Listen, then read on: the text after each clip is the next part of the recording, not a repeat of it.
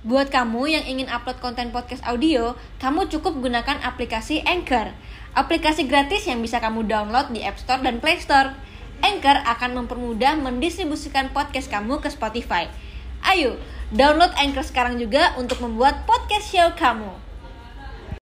Papa selingkuh itu aku tahu dari kelas 4 SD karena selalu berantem ya bahkan pas waktu berantem uh, subuh-subuh mama aku pisau di sini udah mau bunuh diri gue mau mati gue mau mati Halo guys, selamat datang kembali di Grita Buka Praktek Kali ini narasumber aku datang dari email yang dua tahun lalu dia kirim email Tapi baru sekarang uh, datang ke sini untuk bercerita By the way, thank you ya udah udah berani speak up dan datang ke sini. Makasih juga iya. karena akhirnya diundang setelah dua tahun lamanya. Oke. okay.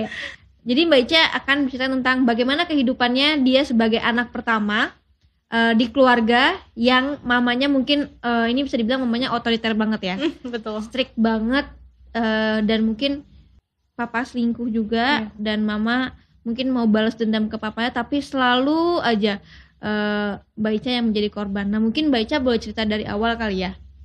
Dari awal aku kecil yang aku tahu mama itu nggak nggak pernah sayang sama aku.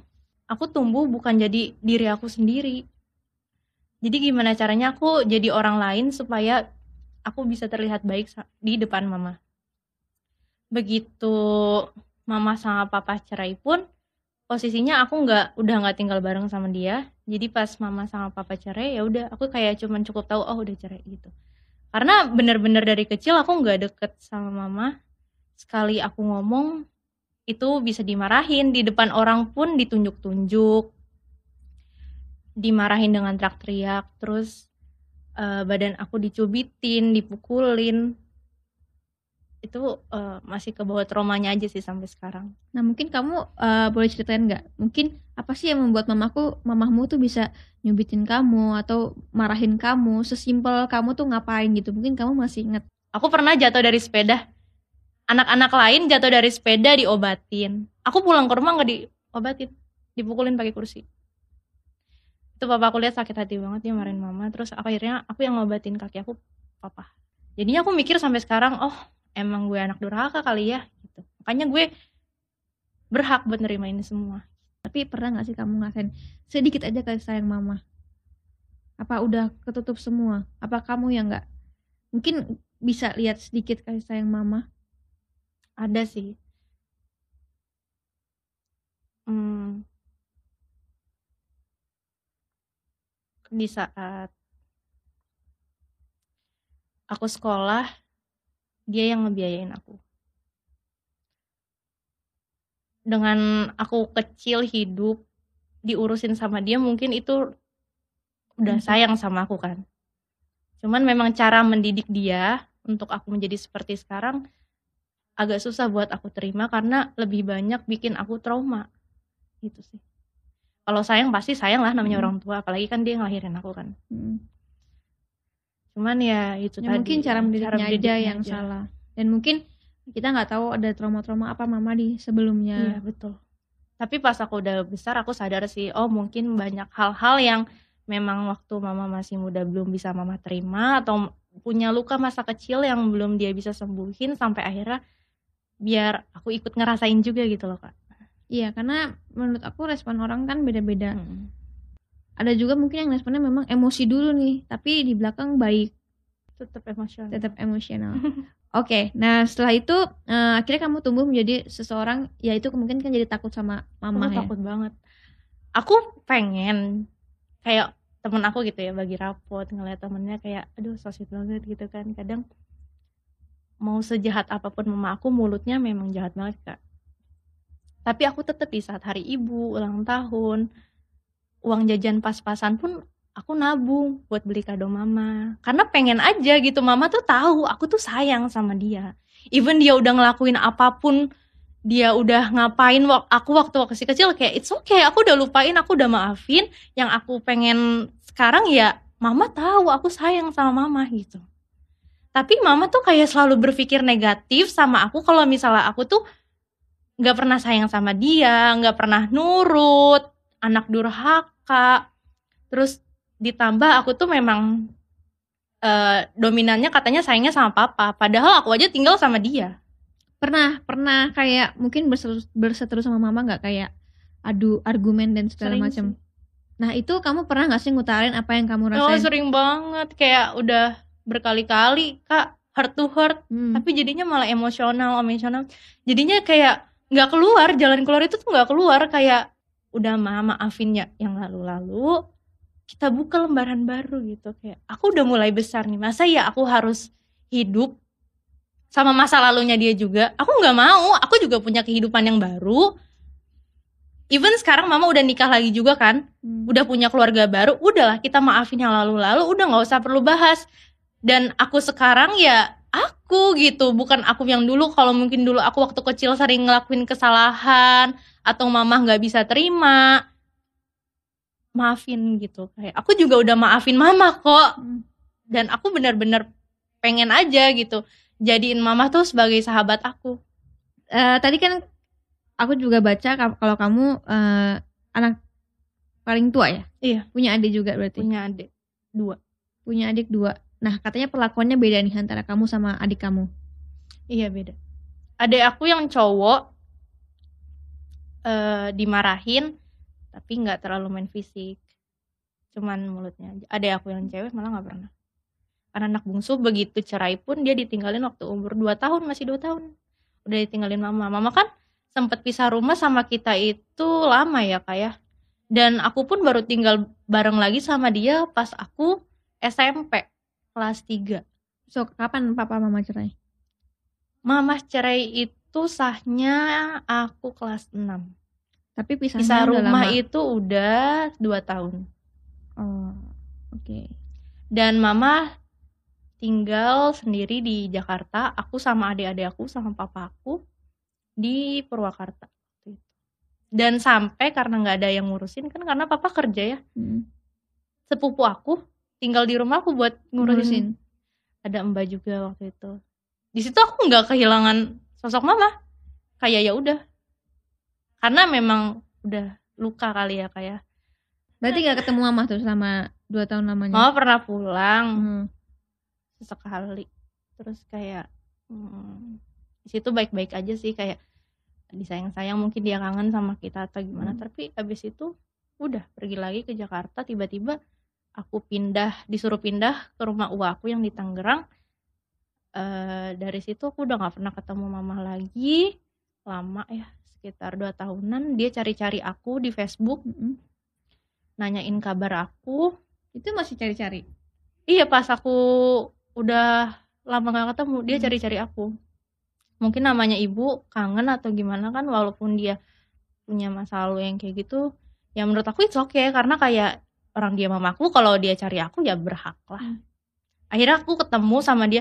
Itu dia berubah 180 derajat. Rumahnya gimana? Baik banget. Hmm. Baik banget. Bener-bener lembut. Aku udah seneng banget. Terus akhirnya dia ngajak aku tinggal bareng. Hmm. dengan posisi dia yang udah nggak pernah marah-marah terus dia terima aku aku ngerasa disayang banget pada saat itu oke lah. Udah saatnya kali ya aku tinggal sama mama aku dan gak ngerepotin uang aku lagi. Hmm. atau di situ juga posisinya papa udah nikah lagi kan? Hmm. Eh, apa salahnya aku ikut sama mama? Tinggal bareng sama mama. Ya itu tadi yang nggak aku expect ternyata terjadi lagi. Akhirnya terjadi lagi. terjadi lagi. Dan sering tapi aku mau cerita sama siapa aku cuman tak pengen orang-orang tahu ya ini loh aku aku bahagia. Karena teman-teman aku nggak ada yang tahu aku kayak gini. Bener-bener nggak ada yang tahu kayak ternyata kehidupan aku di rumah aku kayak gitu aku nggak aku bener-bener nutupin banget kayak memang mau menjaga nama baik mama aja. Walaupun lama kelamaan mereka tahu karena aku sering nangis di sekolah. Sekarang udah tinggal sama mama? enggak Oh udah enggak. baru November kemarin. Akhirnya nih kan aku lulus nih ya kan Heeh. 2019 kan. Kan aku tuh SMA. ti- ah SMA aku tuh tinggal eh, sama mama sebenarnya banyak ngebatinnya gitu. Karena aku nggak ngedapetin hak-hak yang aku aku harus dapetin gitu sebenarnya. Contohnya. contohnya kasih sayang. Karena aku punya di saat mama punya suami baru mama tuh sibuk sama suaminya dan aku ngerasa ya yang tadinya sosok itu ada tiba-tiba hilang dan kalau kakak ada di posisi aku kakak nggak tahu sih bakalan terima ayahnya apa enggak karena aku nggak tahu mama nikah. Nggak Hmm. nggak izin sama aku. Tiba-tiba udah nikah udah satu rumah. Itu sakit hati banget sih aku. Kenapa nggak izin? Kenapa aku nggak dianggap? Nah, emang restu aku kenapa? Gitu kan. Aku cuman ketemu sekali sama orang itu dan aku nggak ngomong sama sekali sama dia nggak ngobrol. Tiba-tiba ketemu lagi kedua kali udah satu rumah. Hmm. Aku nggak tahu dia siapa. Aku nggak tahu keluarga dia kayak gimana. Bahkan sampai tinggal bareng pun katanya punya anak. Aku nggak pernah dikenalin sama sekali sama anaknya. Gini loh kak. Di depan aku dia tuh ngomongin keburukan mama. Hmm. di depan mama dia ngomongin keburukan aku. Jadi semacam adu domba jadi ya? mama aku never trust with me aku ngomong apa pun nggak pernah percaya. Yang dia percaya cuman suaminya suaminya dan suaminya. Nah kalau bicara soal papa selingkuh nih, hmm. nah itu gimana tuh? papa selingkuh itu aku tahu dari kelas 4 SD karena selalu berantem ya. Bahkan pas waktu berantem subuh subuh mama aku pisau di sini udah mau bunuh diri. Aku aku kaget banget aku bangun tidur ngedenger mama teriak-teriak gak taunya pas aku masuk kamar mama itu papa udah kayak istighfar istighfar kayak Hmm. gitu dan mama udah gua mau mati gua mau mati Hmm. itu umur 7 tahun Iya. tujuh delapan tahun aku ngeliat adegan kayak gitu dari situ aku udah ngerti oh keluarga aku nih ada apa-apa kalau mama cerita sama temennya atau gimana aku denger Hmm. aku tahu dari situ oh papa selingkuh Jadi Tapi- ma- mama tahu papa selingkuh. tahu aku pas sudah gede akhirnya kayak mikir gitu kenapa ya papa selingkuh ada apa ya gitu terus kayak aku ngelihat dari mamah pun yang seperti itu oh mungkin memang keputusan papa lebih memilih untuk cari kebahagiaan di luar terus memang tepat Itu waktu kamu udah besar. udah besar Gimana waktu kamu masih kecil? waktu masih kecil aku nggak mikirin sama sekali karena Iya yang juga. aku tahu karena perlakuan mama aku seperti itu ke aku yang aku tahu ya mama nggak sayang sama aku jadi kalau papa aku selingkuh kayak gitu ya udahlah biarin gitu Kamu kenal sama selingkuhannya? Kenal. Dikenalin atau gimana? pas begitu papaku nikah lagi juga aku happy happy aja karena kayak nikahnya juga dirayain di hotel aku berenang sama saudara-saudara Hmm. aku kayak nggak mikirin aja gitu Nggak tutup-tutupan lah ya? nggak nggak nggak nggak aku pun kenal sama ibu tiri aku yang sekarang dari sebelum nikah Hmm. Aku udah dikenalin. At least kita udah bangun chemistry lah ya sebagai ibu dan anak. Oh iya oke. Gitu. Tapi kalau misalnya sama yang ayahku ini sebelum sebelum mama udah kenalin nih cowok-cowok kayak yaudah mah udah ini gitu kan. Hmm. tapi kalau aku bilang enggak enggak enggak. Ada apa-apa nih ada apa-apa. Mama nggak percaya. Mama tuh dari dulu nggak pernah percaya sama aku. Nggak tahu kenapa. Nggak pernah percaya. Lama kelamaan kemarin kebukti dia orangnya nggak bener. Udah akhirnya putus sama orang itu. Lalu tiba-tiba sama ini dua minggu kok langsung Oh, jadi sebelumnya memang kamu sering dikenalin sama Iya. mama. Cuman yang ini nggak nggak tiba-tiba. Jadi kamu ngerasa kok yang dulu dikenalin yang sekarang nggak dikenalin gitu. Hmm. aku dijadiin korban pelecehan juga Sama siapa? Ya, sama aku.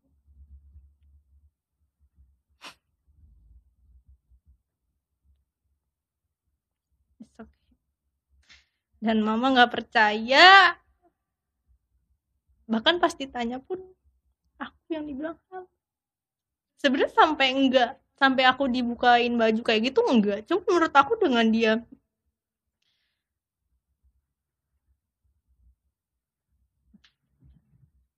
dengan dia tengah malam masuk pintu kamar aku ngeraba-raba kelamin aku itu menurut aku udah pelecehan sih kak Oh iya, jelas.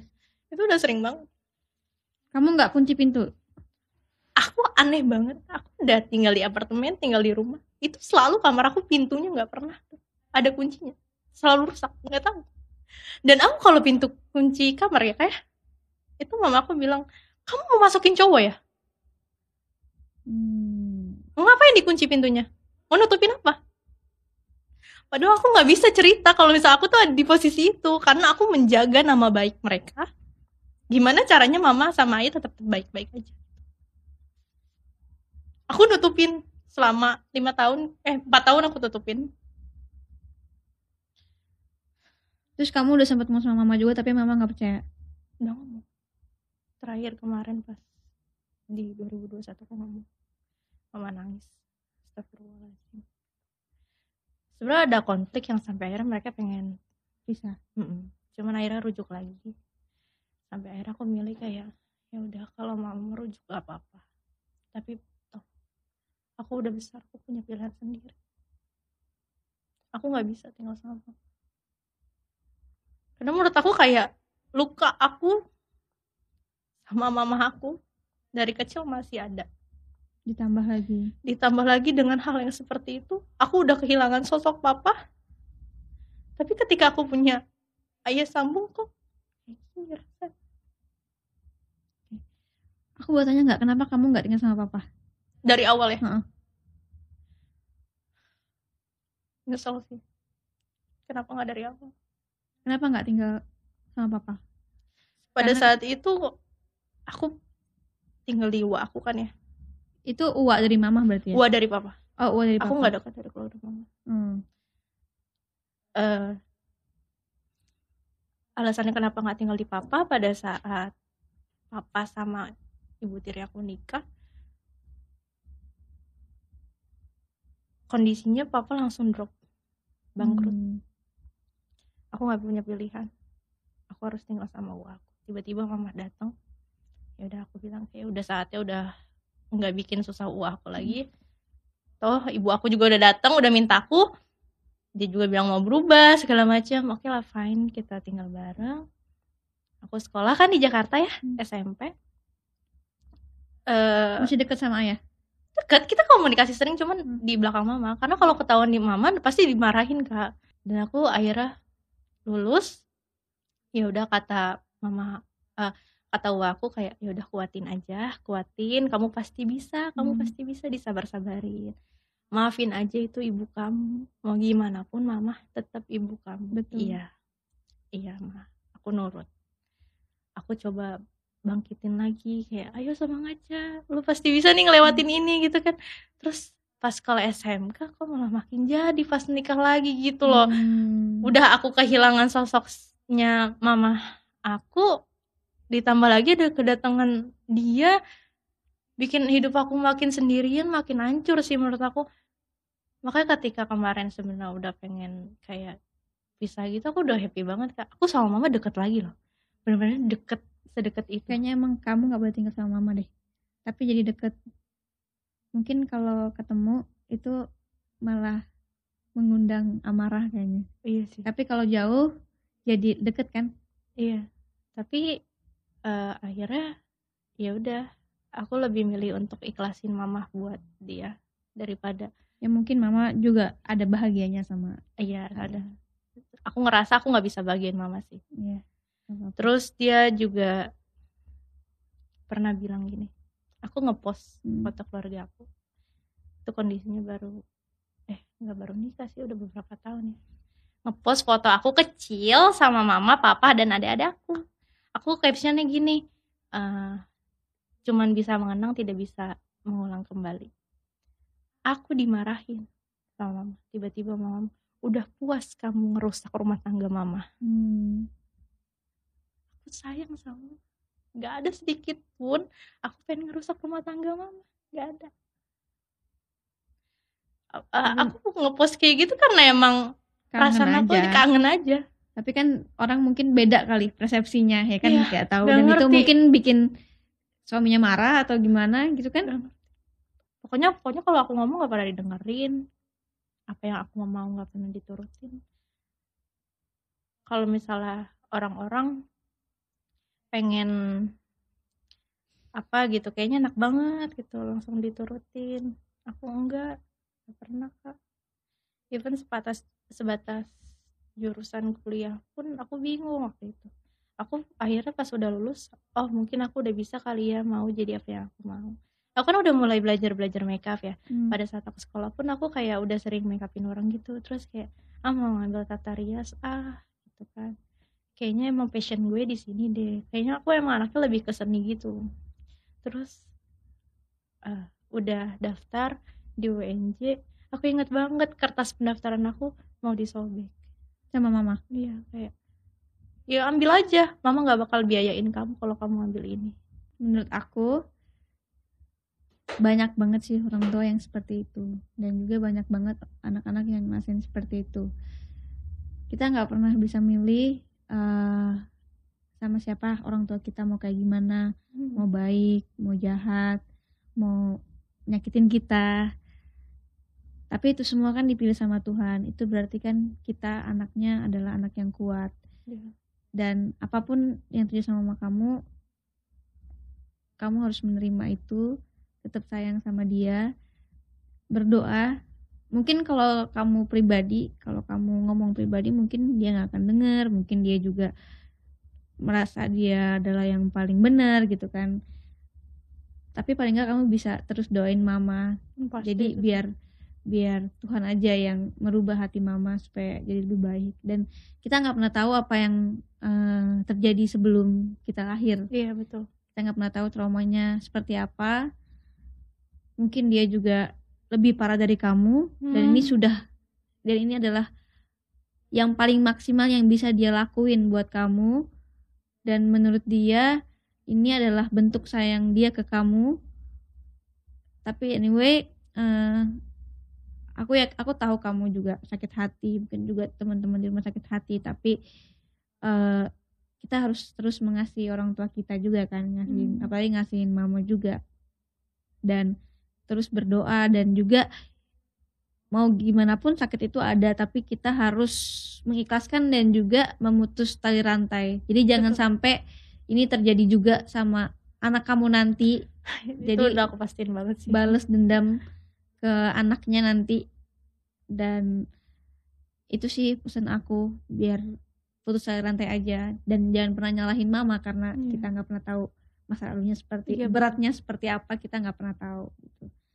Tapi ya kita ngelakuin ini semua dengan ikhlas dengan sayang sama mama mengasihi mama dan mungkin terus berdoa supaya Tuhan gerakin hati mama untuk berubah. Itu doang sih paling yang bisa kita lakuin. Kalau misalkan kita ngomong aja udah nggak didengar. Iya betul kak, karena kayak aku udah bingung gitu kan, aku udah coba heart to heart, kayak kita juga udah sering nih ngomong kayak gini, tetap kayak gak ada berubahnya gitu, kayak aku bingung, aku tuh harus ngehormatin mama, bahkan di titik terakhir aku kemarin udah gak kuat kan, tadinya aku udah udah pisah rumah kan, terus aku balik lagi dengan harapan mama memang benar-benar bisa menerima aku sebagai anaknya, posisi di rumah juga kayak udah pengen baik-baik aja. Karena kan kayak udah mulai mama udah mulai tua aku udah tumbuh mulai dewasa biarkanlah aku ketemu sama jati diriku sendiri gitu kan. Kayak apa yang aku mau support aja support. Aku cuma minta di support gak minta apa-apa. Aku nggak pernah minta uangnya dia. Bahkan dari semenjak lulus 17 tahun aku udah gak pernah minta uang lagi sama dia sama Nah, sekali. itu juga em, kayak tadi kamu cerita bahwa kamu bingung nih milih jurusan apa. Itu harus kamu dari sekarang kan udah nggak tinggal sama mama. Dan kamu pasti udah boleh dong untuk untuk pilih jurusan kamu. Hmm, Kamu nggak mungkin mama akan akan eh, menolak. Tapi kan ini semua kamu mama juga udah nggak biayain juga kan. enggak Nah, jadi aku rasa kamu bisa nentuin pilihan kamu dan Iya. kamu bisa buktiin ke mama kalau kamu yang kamu pilihin tuh adalah yang terbaik dan benar gitu dari aku ya buat diri kamu sendiri. Nanti lama kelamaan juga pasti mama juga akan eh, lihat gitu. Oh, ternyata memang benar ya apa yang dipilih anak aku adalah yang terbaik buat dia. Jadi eh kita juga harus bisa buktiin kalau yang kita pilih itu benar. Orang tua pasti bisa ngeliat, oh anak gue bahagia, oh gue salah ya kemarin. Mereka juga pasti introspeksi diri, tapi mungkin dalam kasus mama kamu, yang tadi aku bilang bahwa dia eh ad- begitu snap dia langsung semuanya keluar itu template. iya bener template iya sih bener Yang penting kamu bisa bawa ini ke arah yang positif aja sih. Jangan sampai sakit hati kamu tuh ngalahin kamu ke arah negatif. bener bener makanya kayak aku datang ke podcast ini kayak berangkat gak ya? Iyain gak ya? Gitu kan. Aku mikirin posisi mama nanti gimana. Cuman eh aku cuman ma- pengen aja akhir aku beraniin podcast buat pertama buat nunjukin kalau misalnya memang aku tuh sayang loh sama mama gitu kan. Dan mama juga pasti sayang sama kamu. pasti. Terus aku juga pengen orang-orang di luar sana yang masih nyanyain orang tuanya masih sering ngelawan nurut hargai mereka sebelum terlambat sih. Karena rasanya disia-siain sama orang tua sendiri tuh sakit banget. Sakit banget sih sedih banget. Kayak kita mau ngebrontak gak bisa karena orang tua kandung sendiri kan.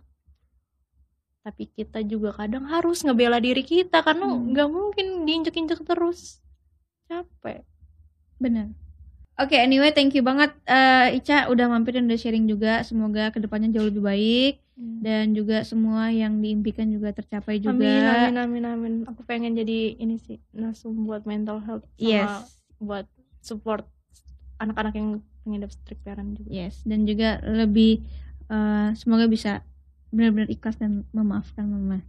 semoga I wish secepatnya Ya. Oke, sampai ketemu di video berikutnya. Nonton sampai habis ya. Makasih ya. Jangan lupa follow Instagram aku di sini dan nonton video lainnya di sini.